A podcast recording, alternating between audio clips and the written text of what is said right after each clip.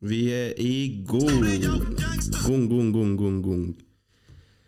The red light is blinking, Morton. You are live. Chug the mango ape. Er vi live? Er vi live? live. Tatover det på deg. Vi er live.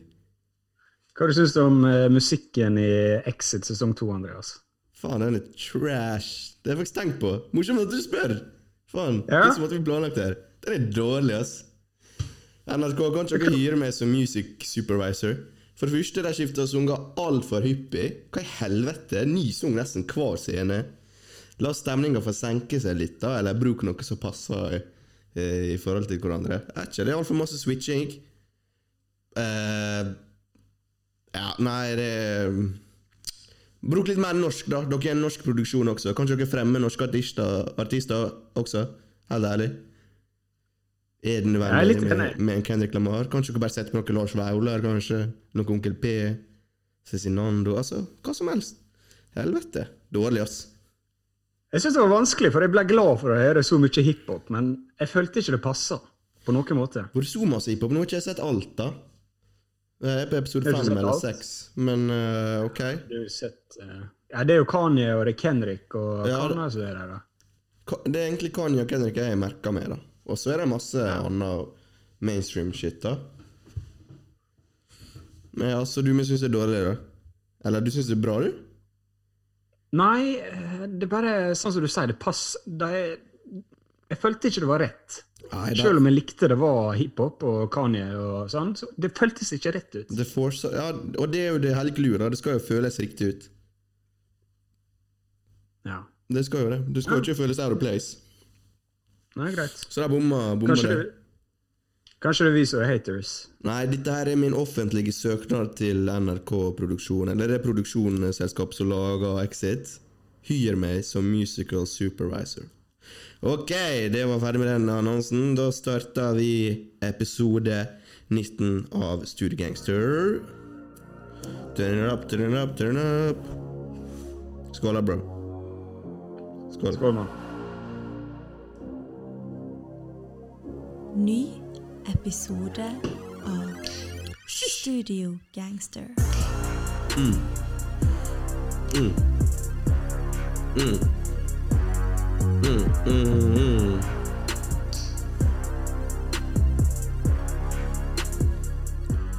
Husker du hvor skeptisk du var til den introen her? Nei, jeg var skeptisk. Hva i Jeg var veldig helvete? skeptisk. Ja, Du må innrømme jeg gjorde et bra valg nå. Ja, jeg, jeg skal stole mer på deg. Jeg skal, jeg takk. skal gjøre det. Dette kan du. Greit. Eh, vi får ta introduksjonen, da. Eh, episode 19 av eh, Studio Gangster. Marton er med her på Zoom. Mitt navn er Andreas. I dag har vi en ny temaepisode for dere. Vi skal snakke om eh, Reasonable Doubt versus It Was Written. Det er Nas versus JC. Det er 25 år siden begge de to Classics-albumene kom ut i år. Eh, Så vi skal veie dem litt opp mot eh, hverandre, eh, hverandre, rett og slett. Men før det litt andre ting som har skjedd. Ny musikk, endelig. Det var et veldig, veldig tort år hittil. Justin Bieber åpna kjeften. Justin Bieber åpna snuslene. Da, da er det ingen tid å miste, folkens. Nå er om å gjøre å komme seg på topplistene raskest. Og Drake er en av de som allerede er i gang. Vi skal snakke om han, selvsagt. Eh, men først og fremst skal vi snakke om litt av forrige episode. Vi, vi kan oppsummere der litt, for vi er jo eh, Det er jo to uker siden forrige episode. Vi kjørte litt stories på Instagram, litt avstemning her. Det var jo da eh, vi skulle kåre år, eh, tidenes beste hiphop-debutalbum. Rett og slett. Så vi har vært ganske aktive på Instagram i det siste. Det må vi skryte av oss sjøl der, da. Eller? Ja, jeg syns vi er tilrettelagt bra for en eh, feit bracket. Et stort tema. Beste debutalbum. Hva er tankene dine om hvordan dette utspilte seg? Ja, vi ble jo eh, Hva vi kom, konkluderte med i episoder, da, Marton, det var vel eh, Get Rich, eh, og for deg var det Doggy Style. Du gikk Ja, for? det det. Ja.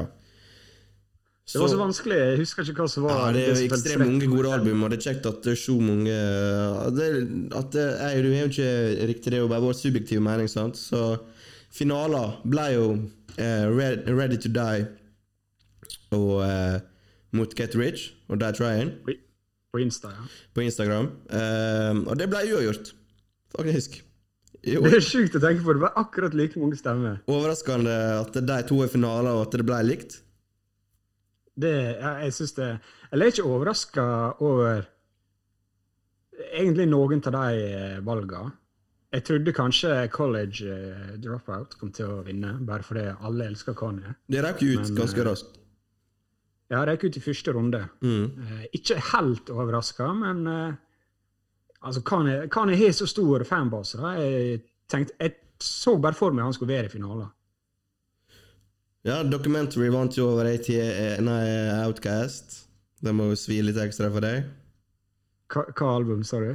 The Southern Playlist Cadillac Music. Uff, damn, bro! Dette er første gang Mm. jeg hørte si det. Yep. Ja, det, altså, jeg, jeg noterte meg alle lytterne som stemte på documentary der. Det, det, det, er, det er uhørt. Det er uhørt.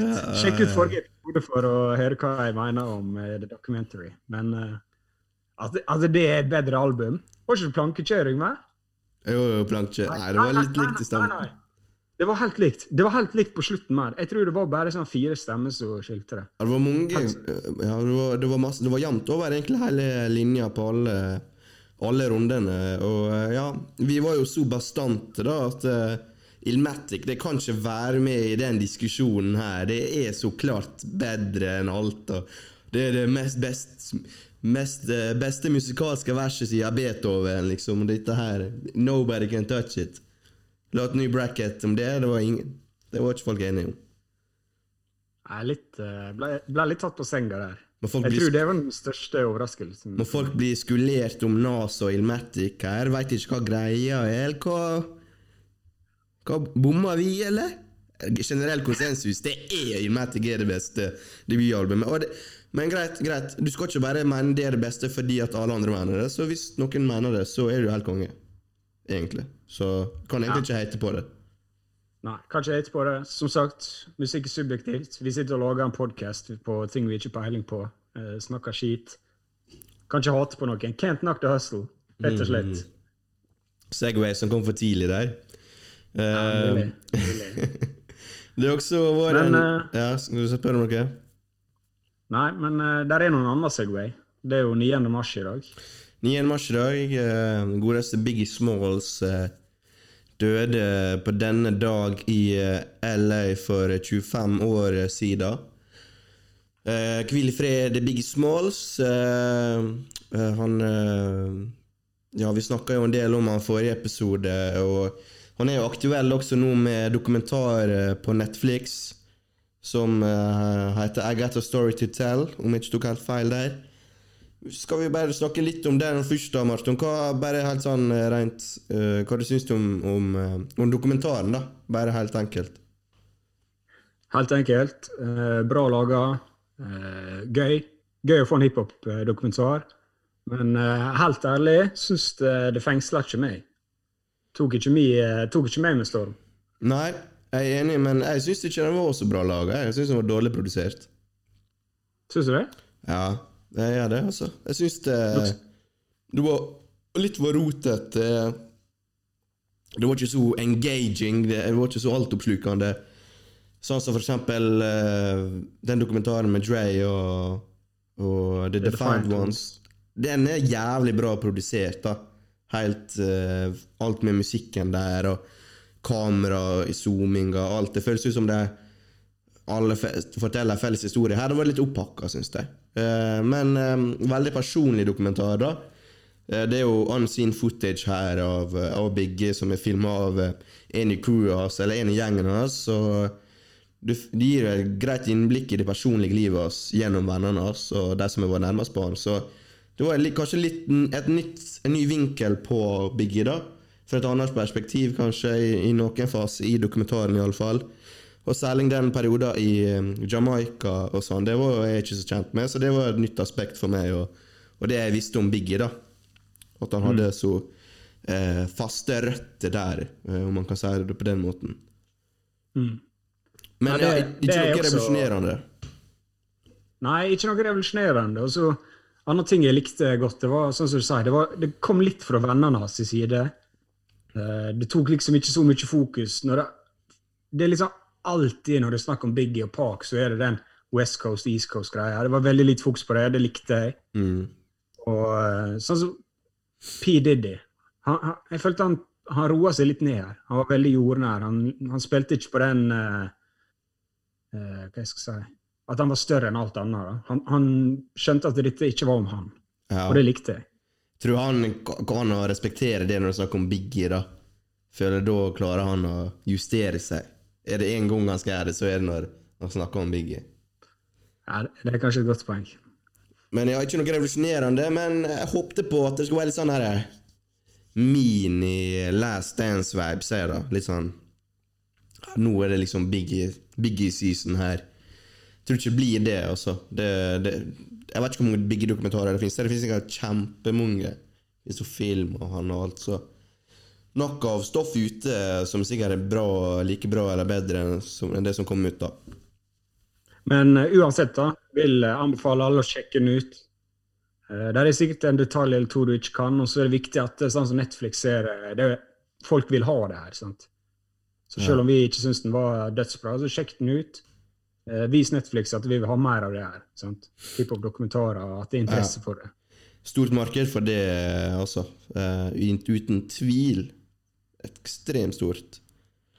Men ja, Biggie er jo, er jo død. Uh, for 25 år Nei, Biggie er død. 25 år siden han døde i dag, så måtte bare nevne det, egentlig. Jeg har ikke så mye mer annet å si enn uh, en det. Hørte oss på Ready to Die. Har du hørt på Ready to Die siden siste episode? Jeg har hørt litt. Faen, sjukt album. Sjukt album. Noen vil faktisk si at det er beste debutalbum of all time. Det er faktisk flere som følger Studio Gangster på Instagram som mener det. Det Stort antall, faktisk. Over til uh, nyere tider og uh, aktuelle ting, da. Uh, vi etterlyser jo ny musikk, Marton, og sa det innledningsvis her. Justin Bieber annonserte nytt album i løpet av mars, og da sendte det en DM. This is it. It's happening. Nå kommer det ny musikk. Dette var startskuddet. Boom! Alle ut av blokkene. Og hva fikk vi? Ny Drake. Tok ikke lange tider da. Jeg kan industrien. Dette kan jeg nå. Over et halvt år med hiphop-podkast. Jeg veit hvordan systemet fungerer. Si det sånn, da, sånn, eh, dere som lytter på, at Andreas sender meg hver torsdag. sender han det kommer surprise drop i morgen. Jeg Mm. lover det. Jeg sverger, bror. Dette har han sagt hver uke siden vi starta podkasten. Ikke over-exaggerate, ikke hver uke, men jeg har sagt det et par ganger. Hver uke. Utenom nå siste ukene, for det har du skjønt. Det skjer aldri. Nei. Og når det begynte å florere om nytt Kanye-album her, Donda Det skal bare ut til folket igjen. Skjer det? Nei, vi skal snakke om uh, Justin Bieber. Uh, det gleder jeg meg faktisk til. Det håper jeg blir et bra album av JB. Uh, Vi skal ikke, ikke snakke om Justin Bieber på denne podkasten her. Vi skal snakke om Drake, da. Uh, som kom da med en EP, eller en liten oppvarmingstrack. Tre stykk, faktisk, til albumet sitt uh, Certified Loverboy. Scary Hours 2. Three tracks. Give me the initial reaction, Martin. Ok, Som en, eh, en som ikke er Drake-fanboy her, da, tenker jeg herregud. Nå må jeg begynne å sette meg inn i dette her greiene igjen. Ja, Det er det du har bedt om i lenge nå. Nå må ikke du være sur for det, da. Nei da, jeg, altså, jeg, jeg er objektiv når det kommer til Drake. Det er bare sånn jeg er. Det er ingen, ingen hat, ingen kjærlighet. Ok. Uh, Men jeg sitter jo igjen med den følelsen, da. Er det dette her han Andreas har venta på helt siden vi begynte med det her? Er det dette han har gledd seg til i snart et år, og så er det dette du får? Er det dette dere steiner for, folkens? Nei, det er jo ikke det. Det var oppvarming, det. Throwaway tracks. Disse eh, Jeg skjønner tankegangen din, og disse sangene Jeg blir veldig overraska hvis de her er på albumet hans. Det kommer nok ikke til å skje. Nei, ikke som det er en offisiell EP, nei. Det tror jeg ikke. Så uh, ja, den der Hva boks- tenker du, da? Den Ta meg gjennom det her, Andreas. Ja, okay. du, du elsker Drake. Du har vært på konsert, og du har plakat på han eh, på soverommet. Plakat. sånn. Fortell meg hva, hva du følte. Hva, hva tenkte du første gang du trykte play? Vi var bursdag på samme dag, ok? Det stopper der. Men uh, What's Next det var jo en likasang uh, som jeg hørte Jeg husker ikke at jeg hørte den et par uker siden, kanskje. Så Som det blir sånn eller? en lik sang som var på nettet. Florerte på nettet. Så den hørte jeg. Jeg syns ikke den var noe big deal. Jeg uh, viba ikke så særlig til den. Uh, men ok, greit. What's next nå? Det er liksom Drake i oppvarmingsmodus her. Snakke om hva han har gjort den siste tida. Og hva som skjer next. Ja, det er jo et album, så vent og se hva som skjer next, liksom. Ok, greit. Kjøp, jeg tar den, Drake. Det, det er liksom det formålet den sungen har. Bare vent hva som skjer next. Uh, Once and Needs, Feet Little Baby. Jeg må jo selvfølgelig drage med fjor, fjorårets hotteste rapper, selvfølgelig. Må jo vise at han, eh, altså, han er flink til det, her, Drake, å ta med seg de mest populære inn i sungene sine. Og han skal jo også sant si at Drake er veldig flink til å bygge opp eh, eh, unge artister som er i starten av karrieren sin, som han faktisk gjorde med Lill Baby. Hvor en av de første største sangene til Lill Baby var med Drake. Syns Lill Baby her eh, rappa jævlig bra. Lill Baby fortsetter der han slapp i fjor, syns jeg. Eh, Drake er en liten stikk der til Kanye West, blant annet. At han skulle ha fulgt Jesus, men jeg vet ikke helt hvordan eh, Jesus har tatt imot det, eller noe, i noe i den duren der. Så ja, det er fortsatt et tema. Blir det mer av det på Certified Loverboy? Hvem veit? Håper det. Vil ha mer drama. Ikke slite ut Kanye, han driver med masse. Han sikkert masse mental stress for tida. Så ikke kjør helt ut Drake. Du må ikke være for eh, Du må ikke være for poison. Uh, savvy. eh, du vet han har fått med seg Pusha E i studio, spiller en nytt album. Så han, uh, prøver bare å finse inn med Jesus. Hvem er Pusha i, i, i, i album? Pusha T, ja. Han er nytt album på G. Halv, halve produsert av Kanye. Oh, ja, det vet jeg. Det, vet jeg. det kommer garantert til å blusse opp igjen der. Den er ikke ferdig. Uh, så ja, Once and Needs, bedre enn What's Next. Men den beste sangen kommer jo til slutt da med Lemon Pepper Freestyle, der Drake er i sitt element her, med den lounge, den, den soul-samplen der, og ja, Det er klassisk Drake. da, Sånn har vi hørt Drake 100 ganger før, og blir ikke lei av det. Det, er Drake i sitt rette element, spør meg. Og med Rick Ross der, med sin mektige stemme og presence, så blir det en eh, fin sang. Den kunne vært på albumet. Ja, ok, for det, det her jeg merker da, jeg, jeg, ser, jeg hører deg, og jeg ser det, det Dette her er folkets mening. At uh, det var good og sånn. Little Baby hadde et hardt vers. Det var bra. Og så er det den siste låta her. Lemon Pepper Freestyle. Som folk liksom uh, liker veldig godt. Men jeg, jeg føler ikke den låta her i det hele tatt. Jeg syns denne låta er den dårligste av disse tre. Oh, Og mye av det er fordi Det er sånn som du sier. Det er lounge music, og det er her han hører hjemme. Nei. Når det jeg hørte den What's Next Beef-en, den er ikke crazy. Men jeg tenkte bare OK, nå stepper, nå stepper Drake opp her. Nå kjører han mer energi. Han rapper bedre enn hva han gjorde på Eller hva han gjør ofte. Det er mer, han, han legger mer i det, føles det ut som. Mens denne uh, Lemon Pepper Freestyle jeg, jeg føler det er sånn som du sa, det er bare en, en lounge-beat, og så har han gått inn i studio og så bare begynner han å rappe. Det, det er en freestyle. og Det er en sånn livsstilsflex og hvor fett livet mitt er. og sånn, Men så Jeg føler uansett Det høres ikke så fett ut. Ok, men dette er litt sånn uh, Drake er jo veldig mange sider av seg sjøl, så han er jo den What's Next-sida av seg sjøl selv hele tida på album. Og så er den Lemon Pepper Freestyle-biten. Så da liker ikke du den. Har du hørt andre sanger i den duren der? Av Drake? 90% av sangene hans er jo Nei, det er ikke sånn, 8, sånn eh, 5 AM i Toronto og 4 PM i Calabasas og sånn. Det er liksom Det er den sjangeren, da. Den typen.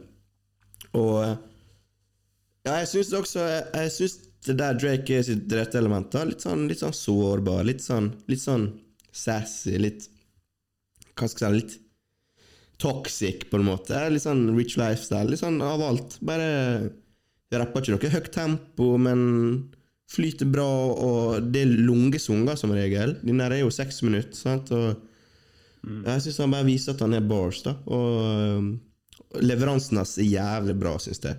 Spesielt Det når er jeg helt uenig i. Dette her er ikke bars, og det er ikke, han er ikke noe god leveranse. Leveransen er klar, og, og det er humor med Drake. Det er det der bare She asked me if I, um, I know Nicki Minaj and Beyoncé.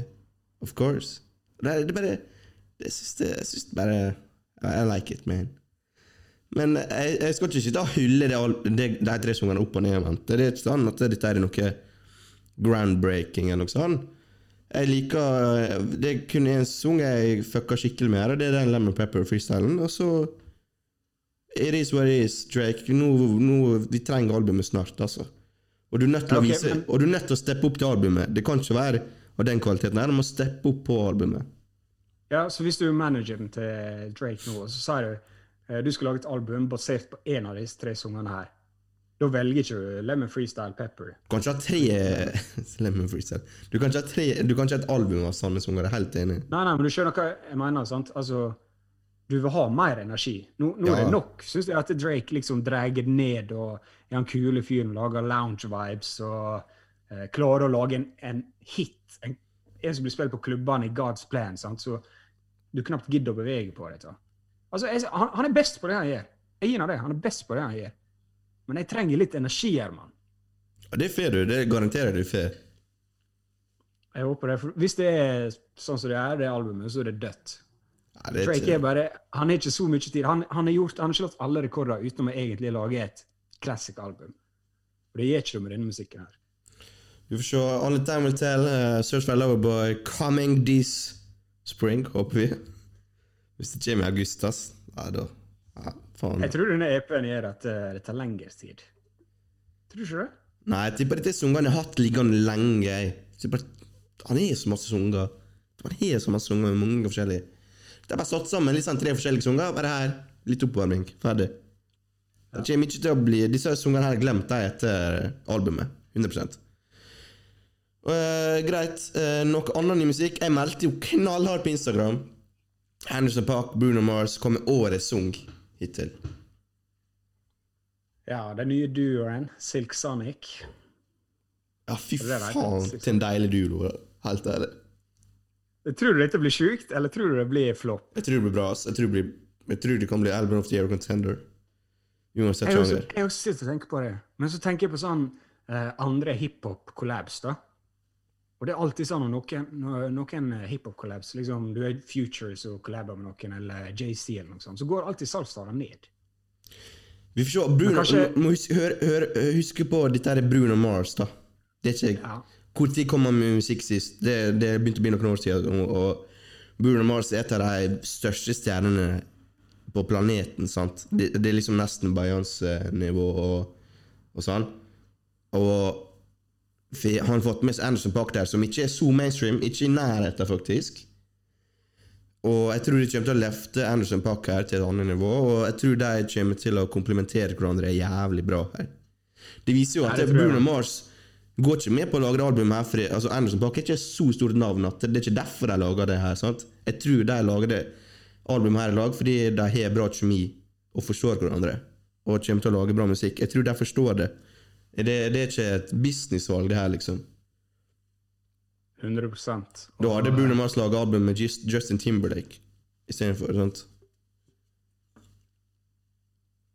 Det er sjukt, liksom. Når jeg går inn på Bruno Mars på Spotify her, så liksom Det er snakk om en milliard Ja, Det er så stor. alle låtene han er, liksom. Han er så svær. da Vi har nesten glemt han, jeg. For han har jo ikke vært eh, til stede siden 2016. Og da var han overalt. Ja, han var til og med i Bergen. Stemmer det? Siste store artisten i Bergen, det tror jeg. Var han det? Ja, det tror jeg faktisk på Kongen. Jeg tror det var Sting. Det ass. Kygo. Det var Sting. Elton Hvem faen er Sting? Hvem faen er de?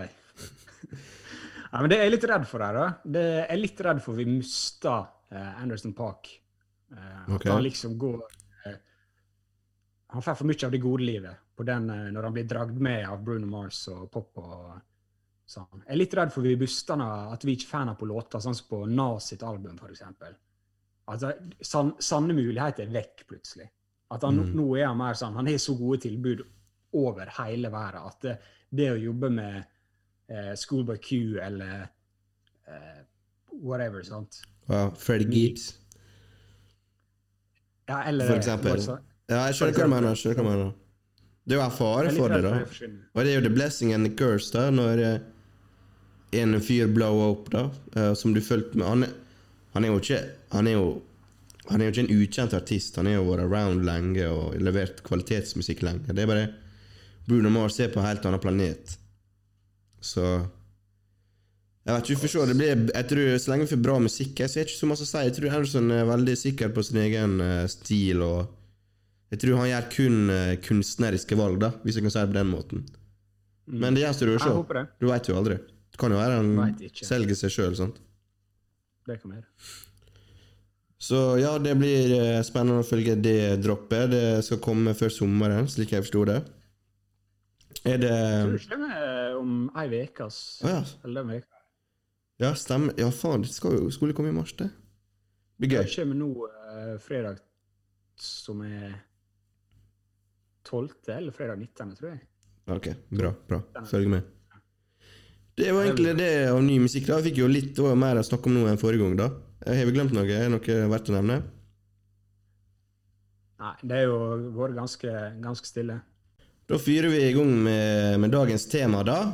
Reasonable doubt versus It was written. Uh, Martin. To uh, tungvektere vi skal snakke om i dag. To legends Let's go! i sin egen forstand her.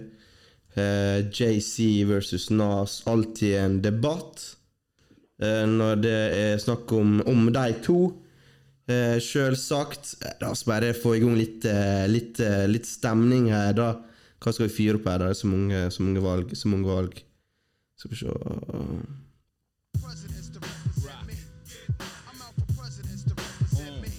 Her er jo begge på sungen, faktisk.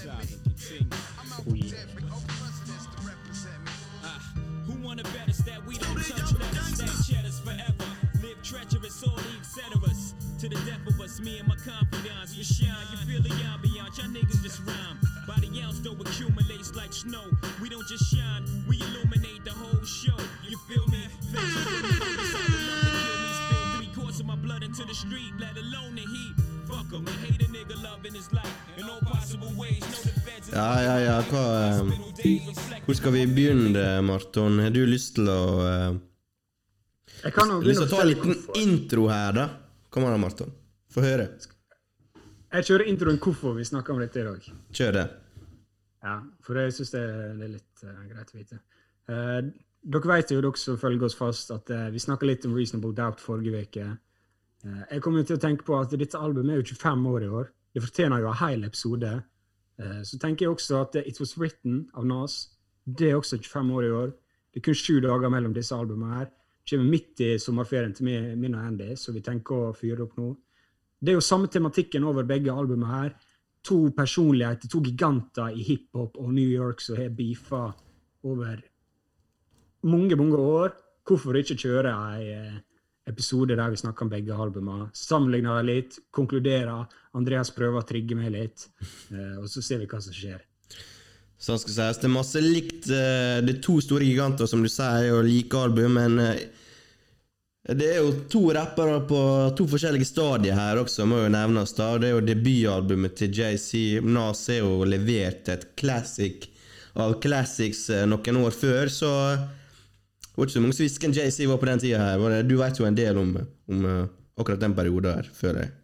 96. Ja, altså JC var jo eh, altså Kanskje for de som fulgte hiphop tett og i undergrunnsmiljøet, så var jo JC et navn på mange måter. og eh, Hadde jo spilt litt på gigs med f.eks. Big Daddy Kane. og Hadde noen låter sånn og sånn, men han har prøvd liksom i mange år da å få til en liksom bli signa, liksom komme seg på topp og komme i gang med det ballet her mens han drev høsla på sida. Og til slutt så fikk jo han eh, en plateavtale med et, en label som heter Payday Records. Eh, slapp to låter der JC så liksom at eh, disse folka her Dette kan jeg gjøre sjøl, og jeg kan gjøre det bedre. Eh, så han tok jo liksom en sjanse. Han klarte å krangle seg ut av den kontrakten. Fikk litt penger for det, til og med. Og fant ut nå skal jeg bare lage mitt eget album. Jeg skal gi det ut på mitt eget label i lag med to av kompisene mine, Dame Dash og Kareem Biggs. Og han, han tok en sjanse. I eh, det lange løp så viser det seg at det har eh, lønt seg. Eh, som jeg sa i forrige episode, det var liksom ikke en kommersiell suksess med en gang. Det solgte bare 420 000 første året. Eh, og det gikk ikke platinum før i 2002. Men i ettertid så har det blitt uh, hylla som en av de beste albumene og viktigste albumene of all time i mange forskjellige tidsskrift og magasin. og nettsider og sånn. Og til og med JC har sagt at det, av alle album han har gitt ut, så dette her er hans favorittalbum. Dette her er det, det albumet du faktisk hører uh, JC, Hova, Sean Carter på, eh, som er mest han, da. Så Mm. det er ikke helt ukjent eh, mannen da han ga ut dette albumet, men eh, definitivt en eh, ny musikkgame da, i storindustrien, kan du si. Ja. Så la oss starte da med Reasonable Doubt her, siden du allerede var fint i gang her med en liten introduksjon for han. Jeg gikk jo ja, jeg kan bare nevne det. Jeg gikk jo inn mot denne episoden her helt sikker på at jeg likte It Was Written Best. Eh, jeg vingla veldig mye frem og tilbake her nå de siste ukene, så eh, eh, Men før vi avslutter favorittene våre, så, så snakka vi litt om Reasonable Doubt først her, og ja, det, det, det, er, det er ikke så lenge siden jeg ikke skjønte hypen av det, uh, men nå, uh, nå hyller jeg det albumet her. Jeg vet ikke om det måtte ha vokst på meg, eller hva. Eh, kanskje jeg var så vant med den vanlige JC, for dette er en litt annen JC. Eh, jeg føler ikke han ligner på kan, Du kan ikke sammenligne det her albumet med noen av de andre albumene hans i det hele tatt. Lydmessig eller eh, hvordan han framstår på sangene. Det, det er helt annen feeling, for jeg da iallfall. JC er som alltid veldig laidback og sjølsikker og hva jeg skal. Han er JC høres egentlig bare jævlig kul ut når han rapper. Det, det har han gjort over hele alle, alle låtene hans, eller alle albumene hans. Eh, Men det jeg ser med det albumet her som tar meg mest, da, det er at det, albumet er så jævlig autentisk og rått. Det er nesten litt uh, upolert og, og grovt, uh, på en bra måte, da. Og det er den autentisiteten her som, som gjør det meste for meg med JC her. For jo mer eller jo større JC blir, jo mer polert blir han, og det er jo selvsagt veldig vanlig. Eh, det er veldig vanlig at det første albumet ditt er den mest upolerte, råeste delen av deg sjøl, da, for det albumet har jo du jobba med kjempelenge, sant? Altså, det albumet som du det første gir ut i de aller fleste tilfeller, har du jobba med helt siden du, du starta å satse på musikken, sikkert. Du gir en stor del av deg sjøl, du skal presentere deg sjøl, du skal liksom vise hva du er god for. Og ja, det er med på å gjøre det albumet her eh, veldig, veldig bra. Eh, så etter hvert så blir jo han litt mer gimmicky, eh, polert, som jeg sa, og her er det bare helt rå utgave av, av JC. Mm. Og så, i motsetning til mange, kanskje på den alderen, og kanskje nå også JC var jo eh, 26 år på den tida han slapp dette albumet her. Sånn som Nas, han var jo 21-20, skrev Ilmatic når han var 16-17, så han var veldig mye yngre igjen. Mens JC han, på en måte, han har jobba seg opp så mye her. da. Så mye erfaringer. Eh, han har jo sagt at han var veldig opptatt av å skrive. Skrive ned ting som skjedde. Han skrive ned bars ut ifra det han opplevde. sånn, Men til slutt så ble det så mye at det, han hadde liksom ikke papir nok til å skrive ned alt. Og det føler jeg du ser litt igjen i dette albumet her, at eh, eh, han, han har så mye å fortelle deg. Og han har blitt fortalt samme historie Han har opplevd samme historie tusen ganger, så han vet liksom hvordan han skal fortelle den på best mulig måte, sånn at du forstår det og kan leve deg inn i den. og eh, ja, det, det er så rått, som du sier. Det er så, han setter, sånn som jeg sa i forrige episode, han drar deg inn i verdenen sin og virkelig setter deg i hans sko, og hvordan det, det var å leve på den tida. Og det er jo litt unikt også Uh, han, er jo, han er jo litt eldre Jeg vet ikke hvordan det var på den tida. Det var ikke så uvanlig at du var 26 år og ga ut ditt første album. Eminem var jo også 25-26, og nå er jo det ofte du blower opp når du er liksom 19-20 år. Men det, uansett, 25-26 år, vi er jo den alderen sjøl, og det høres ut som han har levd i 100 år allerede. Han har så mange erfaringer, og han høres, så, høres ut som en big boss, nesten, og det er første albumet ditt, på en måte. Så jeg føler JC starta nesten på topp fordi han opparbeider seg det her i bakgrunnen. Jeg vet ikke For jeg, jeg så den dokumentaren du sendte meg, Marton, om Reasonable Doubt. Der går litt i dybda på det her. Og da sa jeg det det at JC var allerede stjernen i New York før Reasonable Doubt. Så, og New York er jo en svær by, så er du stor der, så har du litt status, selvfølgelig. Så han har sikkert kjent på den stjernestatusen i selvfølgelig mye mindre forstand enn hva han har nå. Den her, ja, hadde jeg sikkert kjent på i et par år. Litt den her eh, big boss-feelingen. At han var noe, liksom. Det var sånn at han, han var ingenting, selv om Rockefeller og, og alt det her i en større sammenheng ikke var noe. Han var en, noe i, i New York eller Brooklyn eller hvor han holdt til. Så det er kanskje der den den, den luksuriøse feelingen av han, eller den liksom big boss-feelingen er fra, da. Mest sannsynlig, for han var jo På den tida var jo han liksom en legit hustler. Og jeg tror han har rappa siden 1989, altså, så det var liksom åtte år inn i gamet at han eh, Denne side-hustlen, da, med å lage musikk, eh, tok over han, da. Og sånn jeg skjønte, så var det liksom Det var egentlig ment som en one and done. liksom, Nå skal jeg bare spille gutsa her på denne plata her, og så er det tilbake til liksom Hustle og tjene penger, sa han.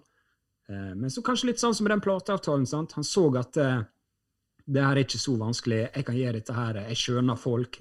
Han er, han er jo tross alt jobba med folk hele livet. sant? Han skjønner folk og hva folk vil ha, og hvordan folk tenker. Kanskje jeg kan gi, kanskje jeg også kan bare høsle musikkindustrien på samme måte som jeg har gjort. Og det er jo kanskje litt det som er narrativet til JC, at han hele tida liksom, er- Han er bare hoppa inn i nye ting og klart å liksom båle, da. Liksom utnytta folk og skjønt hvordan folk tenker, hva folk vil ha, hva tråder han må dra i for å få dette til, og liksom få 50 øre til å bli ei krone. Det er nok den mentaliteten han har hatt hele livet. sant? Og det er sikkert mange som har samme mentalitet, som kommer fra samme bakgrunn som JC og Nas. Eh, fra samme bakgrunn som deg. Det er helt annen mentalitet og tankesett enn hva vi har. Og selvfølgelig, JC er jo Han er jo en stor businessperson, og han er uten tvil ganske intelligent. sant? Og talentfull, ikke minst. Og når han klarer å utnytte det og, og, og liksom gi ut et så fokusert verk som Reasonable Doubt her eh, Ja, nei, det er liksom han, eh, han, er, han er jo unik, da. Vi glemmer jo det fordi han er så stor og har så mange sanger. Altså, vi tar jo litt for gitt, men han er rett og slett unik. Det er ingen andre JC som finnes. Og han har vært her ganske lenge nå. Det er ingen i nærheten, liksom. På, på det han gjør, føler jeg. Og en av de absolutt beste noen gang. Absolutt. Og jeg syns det er også Det er ganske imponerende, for hvis jeg hører beats for beats her på det albumet eh, her, her, altså, Jeg skal ikke ta noe fra produksjonen her. Det, det er bra beats over hele linja, altså, men uh, jeg syns det er sjukt hvordan For meg så, det er så bra med dette albumet. Det er JC som liksom knytter det hele sammen. da. Altså Mange av disse beatsa, fra Clark Kent til Primo til Ski sant? Hvis du har hørt disse beatsa uten å tenke deg om, så har du kanskje ikke tenkt at dette var et album, men bare ulike beats. Men til og med på sitt første album så klarte JC å gi deg liksom den, den opplevelsen. Det er han som knytter hele greia i hop her. Det er han som liksom med sin tematikk og måten han forteller historien på, og uh, ulike eh, synspunkt, kan du si, liksom klarer å liksom knytte dette her, eh, alle disse låtene her sammen til et album. Ja, Han er jo selvfølgelig hovedpersonen på det albumet, her, og det, det skal jo hver artist være, være, men jeg skjønner hva du mener. Tilstedeværelsen hans, den, den er enorm. Og, men jeg, jeg syns beatsa her er jævlig bra, da. Faktisk. De har vokst. det syns jeg. Men Hvis du hører på f.eks. Blueprint, da, Det er jo helt annen Altså, du- produksjon og epoke. Ja, du kan høre på Blueprint uten uh, stemme, kan jeg si, eller vokal, og høre dette er ett album. Ja. Det kan ikke du gjøre på samme måte med dette albumet her. Eller du kan høre på 444, eller kanskje til og med The Black Album. sant? Mm. Men dette albumet her, det er så mange forskjellige beats, uh, selv om det er sample-based boomback og sånn. Men det, det er han som liksom Det er han som lager albumet. ja, det føles veldig personlig ut, da, iallfall. Det er det som blir prosjektert til oss, at dette er et veldig personlig album. Og jeg kjøper iallfall det han selger her. Eh, og jeg kjøper han var en mafioso og drug dealer, altså samme hva, liksom, om det er løgn eller ikke. Jeg kjøper det, for så bra laga er det. Så autentisk føler det. Å lage noe så autentisk, det er liksom Jeg føler autentisk blir nøkkelordet her for albumet, for min del, når jeg skal beskrive det. Eh, jeg føler at når det, det er så autentisk, da må det bare bli bra. Liksom. Altså, det er ikke lett å lage et autentisk album. Det kan si om altså, Good Kid Mad City føles autentisk ut. Altså i, i moderne versjon. Jeg føler nesten Gud, det er en moderne versjon av Reasonable Doubt. Det er liksom deres sin Nå er Good Kid Man City litt mer om oppveksten og sånt til Kendrick i kanten og sånn, men det er liksom et personlig blikk i deres verden, da, og hvordan det er, livet var rundt dem, eller er rundt dem. Så eh, han er ekstrem personlig på flere av sangene også, som The Evils og Regrets her, og det er liksom det gjør at jeg kjøper det. Ja, Skal vi snakke litt om eh, låt for låt, eller noen sanger du vil dra fram her?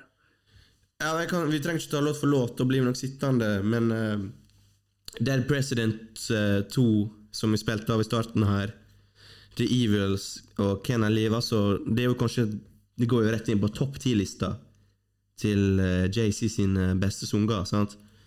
Og det er kanskje, iallfall i, i vår generasjon, og kanskje de som er litt yngre Jeg tipper det er sanger eh, de ikke har hørt så masse på.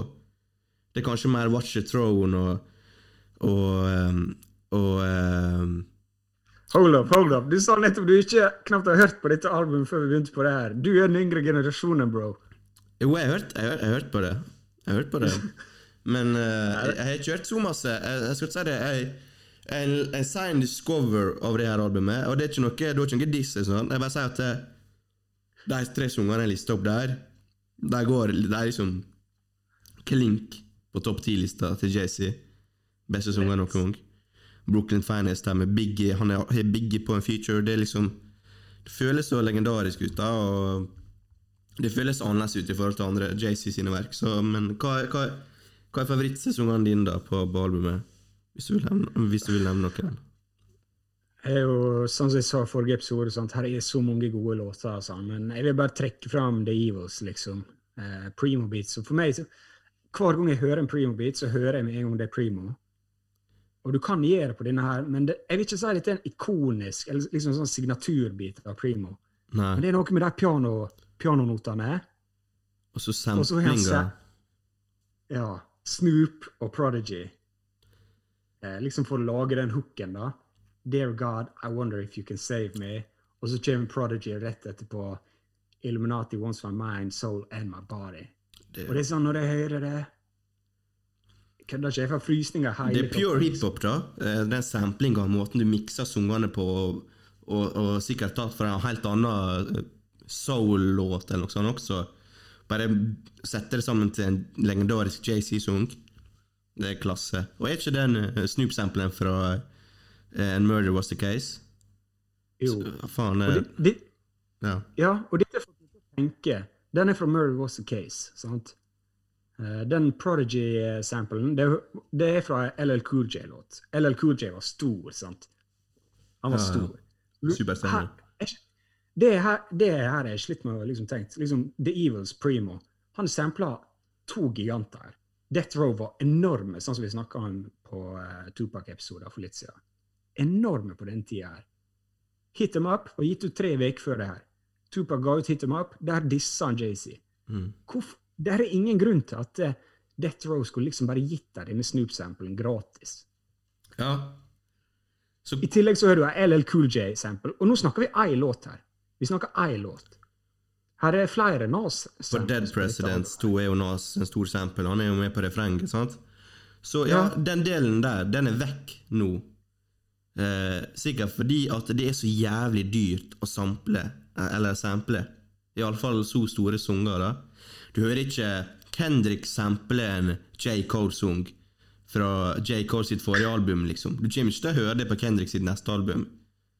For så, det er ikke så lenge siden Doggy Style og, uh, og Reasonable Doubt. Det, det er liksom snakk om tre-fire år, ikke det? Så hvis du hører en sample nå, da, så er det som regel fra en gammel sang fra 90-tallet eller eldre. Det er ingen sampling av Ok, Pop Smoke er jo faktisk gjengitt 50 Cent, da, men utenom det så kommer ikke jeg på noe sånn Sånn gjenbruk av musikken på den måten. Ja, det blir jo ofte mixtapes, da. Ja, mixtapes, men det, er- det er fordi du tjener ikke J. på Cole er jo mixtape bare med Nas og JC og Kanye. Ja, det er greit, det er noe helt annet, men jeg snakker om på album på en så stor sang, da, en så klassisk sang. Det skjer jo ikke Ja. Lenger, og det tror jeg er av penger. Men ja, du Jo, nevnte men, ja. men det er samtidig, sant. Jay-Z, dette her var først Han starta labelen her. Og greit, jeg hadde en distribusjonsavtale med Priority, eller hva faen det var. eh, Og sånn. Men det, jeg skjønner ikke hvordan de kunne ha hatt liksom Den sample-krigen begynte i 1992, når saksmål begynte å komme, liksom, søksmål begynte å komme eh, mot folk som brukte samples. Og det ble liksom Industrien forandra seg. Hvordan hadde liksom Altså, Solgte du så mye dop, eh, Jay, at du har råd til å klarere alt det her? Eller var det billigere på den tida? Jeg jeg liksom virkelig prøvd å finne ut av det her. Jeg skjønner ikke hvordan du kan ha Sant, dette er én låt. Her er tre samples. Han kan ikke To være dem er fra så- Han kan ikke være så blakk. da Han er jo Biggie på, på albumet. Han må jo ha cash, liksom. Så hvor den cashen kommer fra, ja. Er det, er det from the streets, eller er det Jeg vet ikke. Nei, Jeg skjønner bare ikke hvordan det her går opp. Men uh, uavhengig av det, da det Samples som er brukt på denne plata, er masterclass. Mm. Det, det, er- det er vakkert, liksom. Ja. Spesielt den Hvis du, hvis du kun skal høre én låt fra dette albumet, sjekk ut The Evils. Bare hør hooken der, som mikser mellom Snoop, Prodigy, Snoop, og så enda en ny linje av uh, Prodigy. Primo. Det, DJ Supreme der, altså, for de som ikke er kjent med det. Så de er vel sin favoritt, da. Can I Live er kanskje min da, favoritt. Som Can I også Live er classic, ass. så, så jævlig classic. Det er det er horna i bakgrunnen der, og Det er lounge-musikk, det, Drake. ja. Men det jeg liker med Can I Live, da, det er at han liksom i hele plata så snakker han liksom om hvordan du skal høsle, hvordan du skal gjøre det. Og så i Can I Live så han, han snur det liksom litt. da, Det er liksom bare den eh, Ikke så praktisk lenger. Det handler om det mentale og psykiske. liksom Hvordan med penger så vil du alltid ha mer. Du ser alltid etter neste steget. Du ender opp i ei boble. Alle vil bare Alle vil bare liksom liksom hele tida pushe grenser. da. Mm. Og den mentale greia du ender opp i når du holder på med noe du liksom blir besatt av. Og jeg synes det det legger liksom bare et nytt lag på dette albumet. Ja, Du beskriver jo en del av sangene hans nå, Martin, og så må jeg bare si at uh, storytellingen hans, eller leveransen på, til JC her, er, den er som regel upåklagelig, og det er den selvfølgelig på det albumet her også. Det er Straight out the gate så viser JC at han har en rå penn. Et rått pen game. Eh, Og du sa, du sa jo at du likte låta 'Regrets' også. Fortell meg hvorfor du liker den. Det var egentlig bare fordi eh, han er så jævlig skjør, da. Det er ikke favorittsangen min. Jeg bare nevnte at han er, den er veldig personlig. Ja, Skal jeg fortelle hvorfor jeg liker den? Eller hvorfor den liksom Jeg syns denne låta bare enda en gang bare løfter det albumet her til et nytt Jeg er så dårlig på å gjengi, så det er derfor du er hvis du husker helt nøyaktig hva den handler om. og sånn. Jeg har hørt dette albumet 3000 ganger. vet du. Ja. Men du vet, i begynnelsen av introlåta 'Can't Knock The Hustle' Mm. Sant? Det handler liksom, du kan, du kan ikke hate på noen for at de Gotta do what I gotta de do, liksom. Mm. Ja, ja, man's gotta do what a man's gotta do. sant? Du, du, eh, du må bare gjøre det, og liksom gjøre det du må for å ta deg ut av driten. sant? Det med classic på, forresten. ja, classic. Og det er jo liksom, det, går, det narrativet går liksom igjen gjennom hele plata, men så kommer siste låta, 'Regrets', og da snur han liksom litt igjen, da. Men at uh, han tar et oppgjør der han forteller at eh, ok, greit, jeg er nødt til å gjøre det i morgen, men jeg ser liksom at det, det går utover deg, det går utover deg, det går utover. Sant? Og det er liksom tyngda, det er liksom straffa jeg må bære for dette her. da. Jeg er nødt til å gå til sengs hver kveld der jeg innerst inne vet at uh, folk de sliter, eller jeg gjør livet til folk verre for å gjøre mitt bedre. Og det er liksom noe jeg må bære hele livet. Og jeg synes det, det er så uh, sinnssykt bra måte å starte og avslutte albumet på, på en måte. Ja, Det viser en progresjon i albumet, da. Eller i karakteren i albumet, eller JC, om du vil bruke han som spesifikt der. Så ja, jeg er helt enig med deg. Uh, og jeg bare sitter igjen med at uh, han føles så sjukt voksen ut på det albumet her. Det, er liksom, det, det er så rart at det er det første albumet hans. Uh, ja, det, det virker ikke sånn, liksom. Det virker som han har vært i gamet lenge, på en måte. Ja, det er drøyt. Det, det han fikk her, det er helt sjukt. Ja. Nå har vi brukt mange superlativer her på Mr. J, Iso, Hove. Nå skal vi over til, eh, til Nas her. eh, din eh, favoritt-MC. etter Freddy Gibbs og Griselda. Nas topp tre. It was written, bro. Det står skrevet. Nas. 1996-seier. Eh, det er jo en running joke, Marton. Nas er din favorittartist. og Du elsker Nas. Nas er best. og Ingen, ingen er i nærheten av Nas. Er det sant, det jeg sier? Det er helt sant. Nas above all. Nei da. Uh, ja, Nas er høyt oppe på min personlige favorittliste. Det, jeg tror jeg har sagt før her på podden. Det var han som fikk meg forelska i, i hiphop. Men uh, det betyr ikke at han er på toppen i min, min subjektive, objektive liste. Okay. Det er ikke. Men han trengte ikke gjøre så mye mer enn å introdusere det til hiphop. Da, da har han allerede gjort uh, sitt. Da har han 'Forever a special price in your heart'. Ja, jeg har aldri vært her med deg, Andreas. Vi har aldri vært venner, faktisk. Hvis ikke Jonas. over var Nas. Ok. Greit. Uh, ja, kan Kjør, du int kjør introen. Kjør intro du på Nas. Du er jo Skal jeg kjøre intro her, ja, ja, ja. Jeg skrev det i manuset mitt at Marton skal ta intro på begge albumene. Ok, Hva skal man si om dette albumet? Det kom ei uke etter Reasonable Doubt. Uh, Rykter sier at etter uh, Ilmatic så uh, knapt klarte å selge gull i begynnelsen, det vil si 500 000. Hvor lenge det eh, tok? Jeg er usikker. Jeg tror det var eh, første året vi snakker her. Men poenget er at uh, rykt, rykter på eh, fra mine kontakter da, de sier at Nas måtte ta opp et lån for å ha råd til klær eh, for å gå på Source Awards i 95. What?!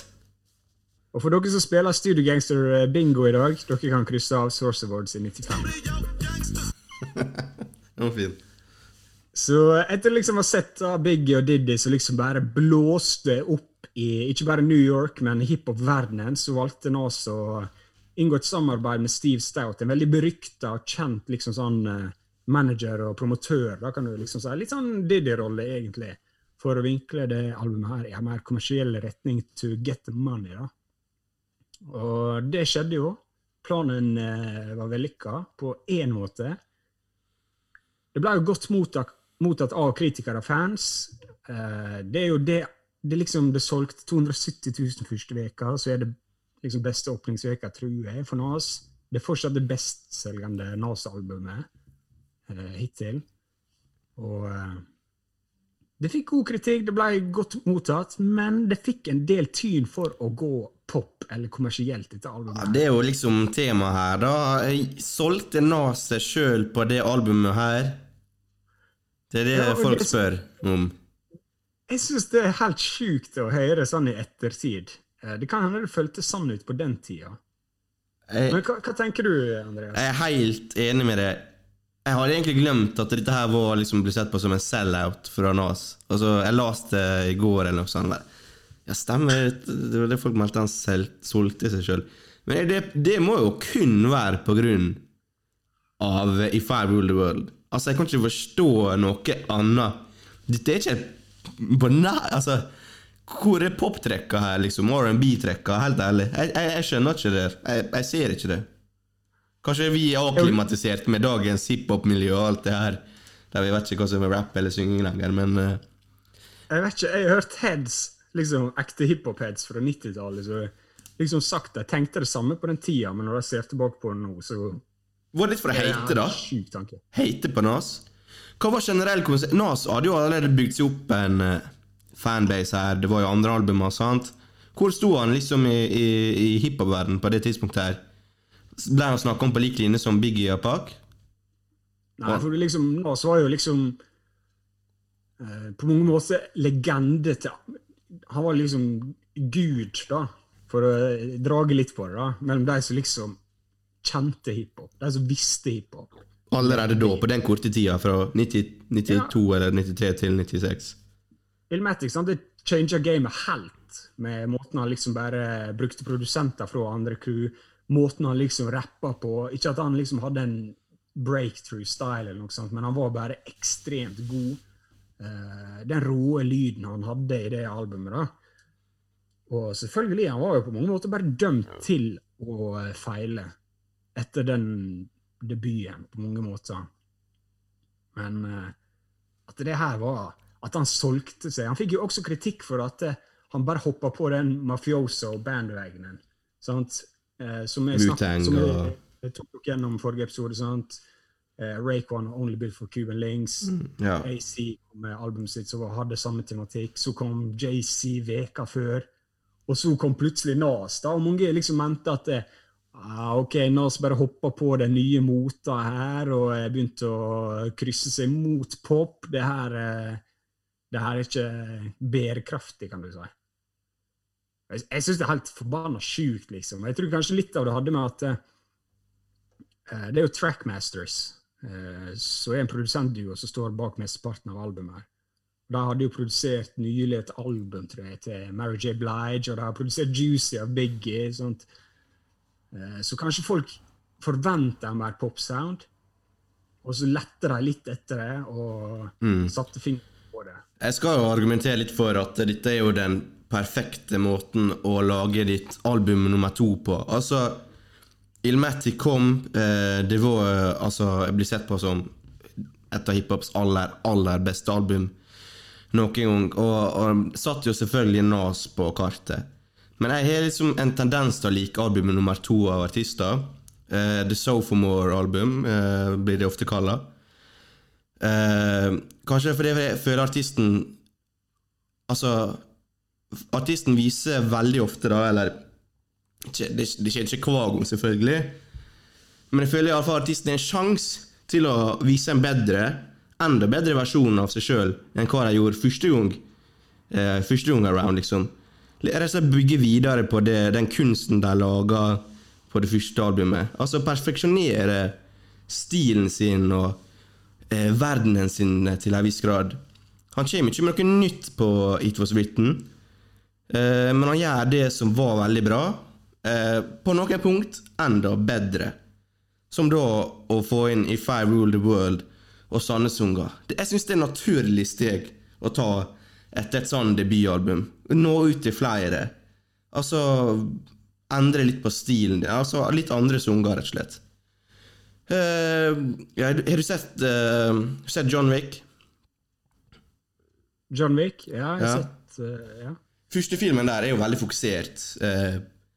Det liksom, du vet ikke liksom hvordan verdenen er utafor det som skjer i første filmen. sant? Det er liksom følger bare John Wick når han skal liksom jakte de som drap hunden hans, liksom. I film nummer to så er det liksom Da har de bygd på veldig Det er et større univers. Altså, du, du får et innblikk i hvordan verden er i der John Wick lever. Det er rett og slett ekspandert. Alt er, alt er mye større. Sånn føler jeg jo ofte er med et, et Sophomore-album. Du liksom ekspanderer på det grunnarbeidet du allerede har lagt. da. Sammenligner nettopp John Wick med Elmatic, bro. Sjukeste sammenligninga noen gang. her. Men Beklager hvor sjukt tilnærming det er! Det var ikke noe, men det, det var bare et eksempel for John Wick 1 og John Wick 2. Ok, greit, greit. Jeg skal la det gå, men eh, ja. Ja, det er ikke noe det Kunne jeg tatt en, en annen film, liksom. Det var bare et eksempel. For eneren til John Wick er så fokusert der på én ting. Og så, når, når toeren kommer, så eh, gjør du det større og bedre. ja. Keanu Reeves han er blåbelte i jiu-jitsu. Ja. At eh, de som veit Os. Ok. Men, eh, jeg vet ikke. Ja, jeg er litt enig med deg. Altså, selvfølgelig når liksom Ilmatic var kommersiell flopp, for å si det sånn, da. Eh, med tanke på liksom Vi snakker om det fortsatt i dag som det beste debutalbumet, det beste albumet, et av de viktigste albumene. Eh, på en måte så er jeg veldig glad liksom for sånn som du sier, at han tok det steget i en mer kommersiell retning. Og det var jo det Steve Stout, han manageren, liksom frykta. At eh, nå skulle det bare bli en cool G-rap. Liksom En som var liksom hylla av rappere og de i miljøet rundt, men liksom aldri kom seg ut av den greia, da. Og eh, Jeg vet ikke, altså det jeg vet ikke, igjen, sant? Det er helt bisart for meg å lese liksom at eh, det her ble sett på som en sell-out. Og jeg kan, liksom sånn som du sa, If I Rule the World, og så har du uh, låta Street Dreams. Ja. Uh, vi kan snakke litt om den låta, da, Street Dreams. For her synger Nas på hooken, liksom. Veldig tidlig i gamet å være en rapper som synger på hooken. Snakk om synging, da. Altså, hvor masse synging er det han gjør der? På den tida så var jo det synging. Ja, det er så lite synging, da. Det er jo ikke det. Jeg, jeg er Street dreams are made of these. Det er eneste han sier. Ja, men jeg er helt enig i at det er grenseland. Men på den tida så kan jeg skjønne at det liksom ble sett på litt som sånn uglesett. Ok, ok. Bro, du lagde eh, New York State of Mind, og så kommer du her og synger på hooken. Ja, okay, Street ok. dreams are made of these. Det er omstilling, da. Jazz Nei, Nas mener jeg må jo få, få lov til å ekspandere, utvikle seg sjøl. Han kan ikke stå fast på Ilmatic. Da blir han som Wu-Tang, da. Da dør han på 90 i 90-tallet, liksom. Altså sånn rent, kreativt, hiphop noen gang. rent kreativt Rent kreativt sett. Ja, rent kreativt, Så, greit, men altså ja. ja, Nei, bare fortsett. Sorry. Jeg bare mener Det er naturlig at han endrer seg litt. Og Greit, er annen tid. Alt var mye hardere da. Selvfølgelig. Det var mye tyngre, mye hardere. Det var sikkert tabu å synge. Helt klart. Men uh, det er jo kun i Fair Rule of World som jeg ser på som en radiosang her, da. Helt ærlig. Og det er jo kanskje den største sangen hans, er ikke det, da? I Fair Rule of World, hvis vi skal se sånn helt på verdensbasis. Den mest populære sangen med Lauren Hill. Jeg, jeg tror det er nå, da. Men eh, sånn som Street Dreams, den charta høyere på den tida. Så på den tida så virker den som mer kjent, selv om If I Rule the World. Okay. Eh, mer streams i dag, og eh, kanskje mer kjent sånn sett. Eh, det kan jo ha liksom med at Lauren Hill ble så stor eh, etter dette her, da. Mm. Hun hun var jo fortsatt stor fordi Fugees kom ut med album tidligere det året, The Score, som er classic, men så senere kom hun med Miss Education, sant? og det kan jo hende det er litt derfor, men på den tida her så tror jeg eh, Street Dreams var okay. større. La, la oss bare snappe ut av det narrativet her, da. Greit nok, det ble sett på som sellout alt det her, men i den dag i dag, da, så er jo The Message og If I Rule the World det er jo mest store sanger, legendariske sanger.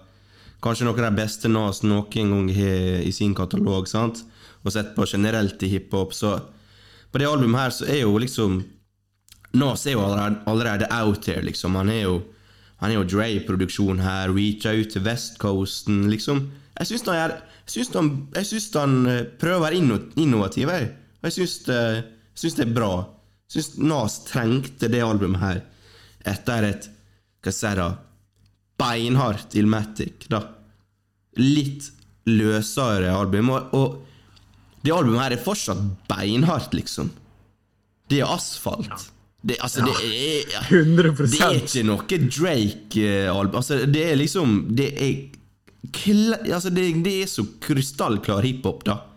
Nei, det, jeg kan ikke Vi går vel tilbake igjen på det her eh, mainstream-greiene og outselling-greiene, men altså, dette her er Det føles nesten ut som en, en Ilmatic Vol 2, liksom, spør du meg. Det kunne nesten vært en forlengelse av det albumet. Ja, altså Det er litt sånn som du sier, at du, det, det er stankface. Det er mange plasser den stankfacen bare piker helt her. Eh, og sånn som når The Message sant? Du har introen, og så kommer The Message. Begynner rolig med en Sting sample, som vi snakka om før i dag. Mm. Og liksom når The Message kommer på, selv om det er den eh, klimpringa av gitaren, så får jeg helt sånn komplett sinnsendring. Og liksom bare flowen og wordplayen der er så tilfredsstillende, og det, det er rima, og det bildet Nas klarer liksom å bygge Bygge i skallen min når jeg hører på det her.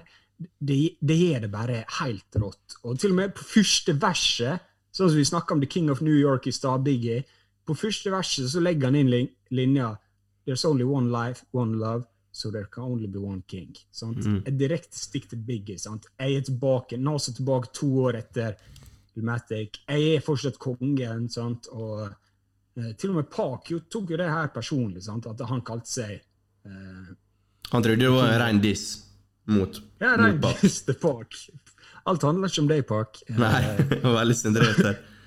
Han tok jo Nas ut i parken, eller hva det var, det var kanskje løgn, da, men det var iallfall historie om at eh, i New York så fikk Park Nas til å komme ut til Central Park der, og liksom for å Jeg vet ikke hva de skulle diskutere, eller noe sånt, men og da skulle visst pakke Nas ha 100 shooters da ute i skauen der, ute i parken der, klart til å skyte en pakk hvis han prøvde seg på noe. Så Nas var eh, altså lett å glemme, liksom, men Nas er oppi den miksen der med Park og Biggie på den tida. Og det er jo etter hvert eh, JC også, liksom. Så le legendary people. eh, legendary times. JC. Han dissa jo JC på den trekken også. Han sa liksom Lex with TV sets the minimum. Altså Lex. JC snakker om Lexus på hele Reasonable Doubt. Det er jo Lexus, Lexus, Lexus, Lexus, Lexus. Ja. Og så kommer det stikket der. Uh, Lex with TV sets the minimum. Som liksom Ja, ja, Jay, det, det er det minste, det. Ja. ja, uten tvil. eh, Altså, to forskjellige album, to forskjellige tids... er ikke så forskjellige album, men uh, NASA Jay på to forskjellige eh, periode i karrieren sin. Nas bare asfalterer seg sjøl innenfor hiphop med sin andre classic på rad. Og Jay med sitt første album. Så tenkte jeg liksom, hva er forskjellen her, da? Hva, det, vi sier jo begge, at det er et mafioso-album, begge deler. Hva, er, hva er forskjellen på mafi, mafioso-Nas og mafioso-Jay, føler du? Eh, Hvis vi tar utgangspunkt i disse albumene, i hvert fall, så For meg så er det sånn Jay, Jay han er veldig flink på å trekke deg sånn som jeg har sagt, inn i sine sko. Setter deg i det her og forteller deg hvordan ting funker. Mens Nas er mer eh, Han er mer en forteller, da, på en måte. Sånn som i låta 'I Gave You Power'. sant? Det handler liksom om Det er fra perspektivet til en pistol, på en måte. Mhm. Høres jævlig teit ut, men liksom han, det er kun klare liksom å eh, lage så mye liv og en så god historie i perspektivet fra en pistol. og eh, Nas forteller liksom flere ganger som det er seg sjøl, eh, han sier jo det, mange av historiene her er av seg sjøl, men Nas har alltid liksom vært en som forteller mer om det han har sett, eh, kanskje, da, enn hva han nettopp har gjort sjøl. Så jeg føler liksom Nas her, han forteller liksom om mafiosolivet, mens JC forteller om sitt liv. da. Ja. Selv om temaet er det samme. Får du samme følelsen, eller hva? Nei, følelsen jeg får av Jay, er litt som at han er the boss, liksom. Han er liksom uh, uh, sjefen, da. Uh, følelsen av Nas er litt sånn Han er den street-kiden, da. Høstleren. Og begge to er jo sikkert det, men det, det er bare det jeg sitter igjen med. Jeg vet ikke om det er rett og slett av imaget de har. Det er forskjellige imager de har. Jay-Z har alltid vært litt sånn big boss-kar, mens Nas har vært sånn Litt sånn underground-type. Løpegutt, kanskje. Ikke, sånn, ikke i negativ forstand, eller noe sånt, men street kid. Jeg er litt enig. Jeg er litt enig. At eh, du får litt mer fra liksom han som springer rundt og opplever flere ting, da, Ja. enn eh, hva Jay sier. Selv om han setter seg sjøl i, i liksom roller eh, flere ganger og sånn, ja. for all del. Men uh, Jay-Z er mye flinkere til å fortelle fra sitt liv. Det, det er jeg enig i. Ja, og Nas er jo er derimot også den, kanskje den beste historiefortelleren innenfor hiphop noen gang. Med sanger som uh, I Gave You Power, da. Som det er veldig få som kan gjøre på den måten som han. Men uh, la oss uh, gå gjennom de favorittsangene fra det albumet her, da. Hva, hva stikker ut? Skal jeg si først? Ja, du er nødt til å ta det. Altså. Jeg klarer ikke å velge. Det er åpenbare for meg. Jeg har notert uh, flere, da. The Message, selvfølgelig. If I Rule the World, selvfølgelig. Blir aldri gammelt, spør du meg. Street Dreams, så jeg har også lyst til å nevne, er jo uh, Jeg minnes jo om Ambition as a Rider, og det er jo fordi eh, mange tror kanskje at eh, den ene sampler den andre, men Nas og Tupac, eller produsentene deres, de sampler faktisk samme sang, så det er helt tilfeldig at den, de sangene minnes om hverandre. Det er ikke for å pay homage eller for å disse eller noe, det er bare tilfeldig at de sampler samme sang. Og det skjer jo ikke ofte lenger, spesielt ikke, spesielt ikke nå. Det har jo ikke skjedd ofte ellers heller. Men ja, den, eh, og Now Is Coming, produsert av Dr. Dre, og Affirmative Action der med det, Hva crewet heter han? The Firm? The Firm. Ja. Visste du at uh, 50 Cent var inne i miksen når de skulle lage The Firm? Allerede i 96? Yes. Der er til og med, han har til og med spilt inn en låt med Nas Sykt. og Nature. Det var flere som var inne i miksen. da. Suksess er ikke overnight. 50 Cent starta i 96. JC starta i 89. Longevity. Longevity. Si topp tre, du, da. Nå sa jeg fem eller seks. eh, må jeg, bro Altså, her er så mange bra låter, da. Eh, Jeg, støt, jeg støtter ditt valg her, eh, men la meg legge til La meg legge til live and a rap. Eh, produsert av Havoc. Produsent og rapper i Mob Deep. Prodigy er på ene verset. Ene verset skulle egentlig vært på LA LA, låta som var et svar på Ikke diss-tracken, men låta New York, New York. Men liksom Havoc, Havoc og Nas Produsent og rapper eh, her. Det er så New York, det er så beinhardt. Det er så det er iskaldt, det Havoc er. Jeg er nødt til å ta med den. Jeg har også lyst til å ta med Jeg kan ikke ta med det setup, da. Den også er av Havoc. Ja, bro, du, bro, vi har ikke podkasten for evig, holdt jeg på å si. Kom an. Ok, ok, La meg ta det setup, da. Av produsert av Havoc. Det samme er Nas Jungle dreper politiet med han shootouts. Det er liksom bare Ville bars. Ville bars. Ja, liksom, det setup av uh, Havoc, den vil La meg ta affirmative action med, her, bare for den, den er så crazy. Den Jeg sa jo det. Ja, men jeg tar den, jeg også. Den, den er så crazy, den beaten, og det er liksom Det er Dre, vel? Nei, det er ikke det. Er ikke det. Oh, ja, ok. Det er Joy. Det er Trackmasters, faktisk. De signer jo til Dr. Dre senere, da. Men, er Jævlig bra beat, i alle fall. så- Nei, crazy, den låta der, ass. Fy faen. Ass, Ja, men det er sjukt! Det er sjukt! Det er sjukt! Jeg blir helt vill eh, når jeg tenker på det albumet. Er her. Her, her er så mange bra låter. Ja, vi nødt til Ingen tvil om at vi, det er to gode album her, Marton. To eh, særs gode album. Så liksom når vi skal konkludere slash oppsummere det her, da eh, Blir ikke lett. Blir ikke lett. Du må, må ta standpunkt, i alle fall for i dag. Trenger ikke å ta det med deg til grava, kanskje, men må ta et standpunkt her i dag, tenker jeg, for lytterne, våre. Så jeg kan starte. Kjør eh, konklusjonen. Eh, Konklusjonen eh, for Andy T her Ja, jeg føler liksom energien til JC her, den er, er different.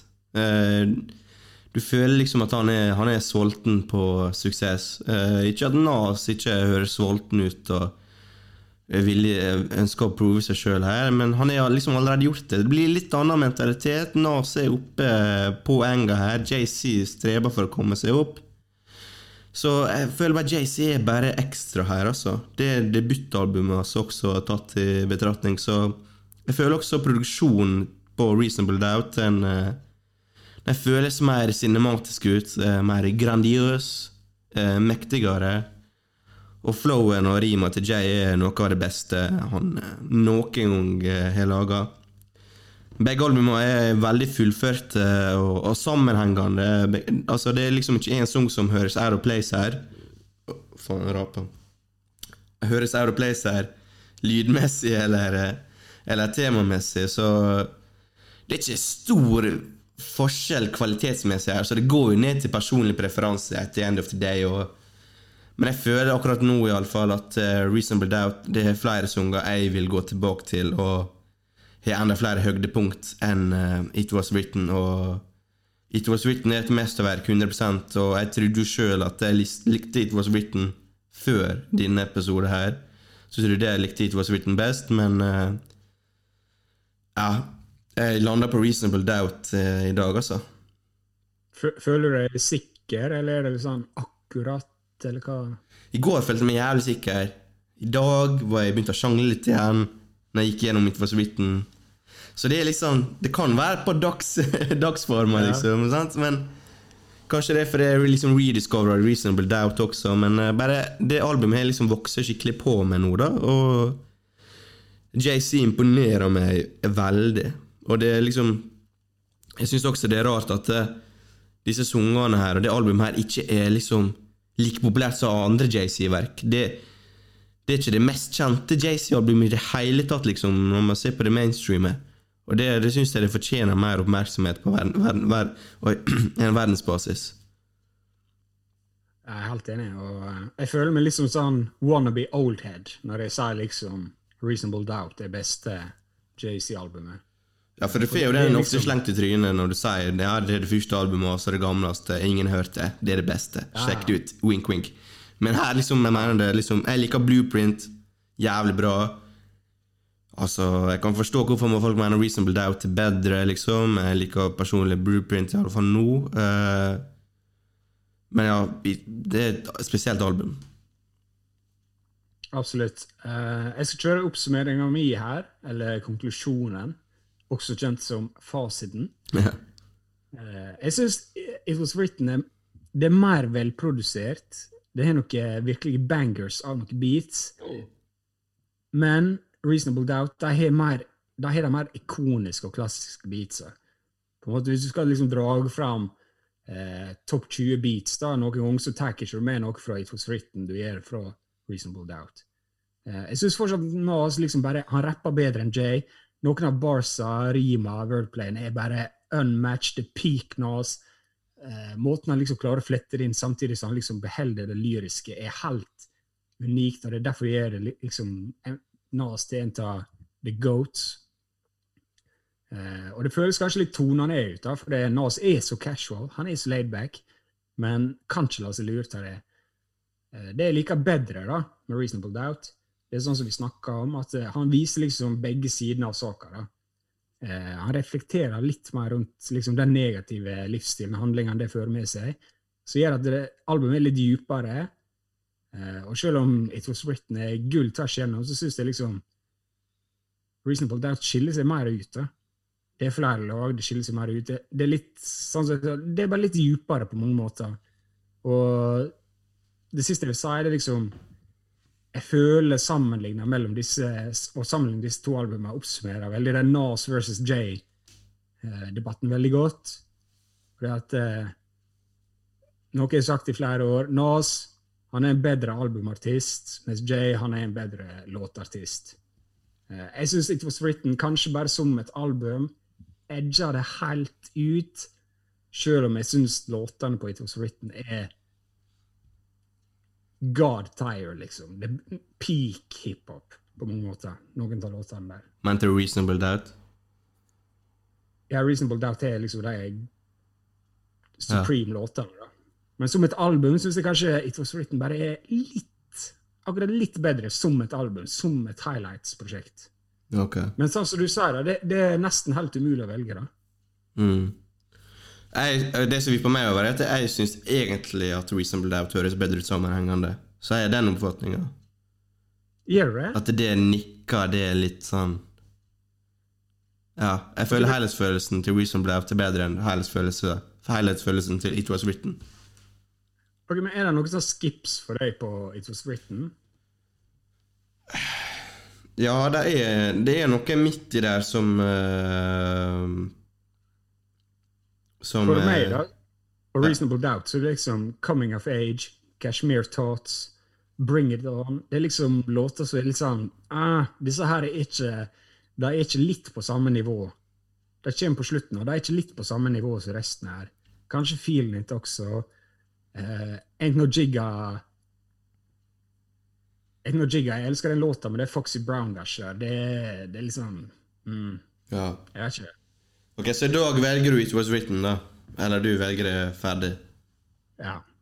Det var Nas-fanatikeren uh, sagt sitt. Var ingen overraskelse. Men jeg trodde faktisk Jo, vet du hva, jeg trodde du skulle velge Reasonable Doubt, faktisk. For det vet du jeg er veldig glad i det albumet. Men eh, hva? Det er umulig, ass. Helt ærlig. To, eh, to, to fantastiske album. Vi skal legge til kanskje to-tre av våre favorittsanger på Spotify-lista vår. Da har vi da eh, tatt for ja, Vil du si noe? Ja, Et spørsmål. Du har jo sagt at det, It Was Written er bedre enn Illmatic. Jeg har ikke sagt det. Det har du sagt. Jeg har sagt at jeg har hørt mer på It Was Written enn 'Illmatic'. Og det var en periode jeg hørte Jeg foretrakk It Was Written enn 'Illmatic'. Det, altså, det er ingenting galt i å foretrekke It Was Written. Jeg vet, sånn som så Royster 5-9 og Jeg så intervjuet i dag. Ja. Ja, Charlemagne. Sant? De er også eh, så mye mer creds enn oss. Mener It Was Written var bedre. Jeg mener Men er bedre. Ok, greit. Så bare det. Jeg, jeg, jeg, kanskje Jo mer jeg har hørt på det, jo mer sikker jeg er blitt på det i det siste. At Ja, ok. Ilmatic er bedre. But opinions can change like the wind, you know. This podcast is not written in stone, you know.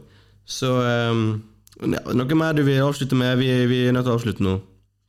Ja, takk til alle som hører på. Takk til alle som følger oss på Instagram og sender oss meldinger og stemmer. Elsker dere. Fortsett med det. Tusen takk for at du hørte på episoden. Vi oppdaterer Spotify-lista med to-tre sanger av begge album. Eh, vi er tilbake om, om to uker. Jeg håper det kommer masse bra musikk. Masse god stemning til da. Vi, vi snakkes. Ha det bra.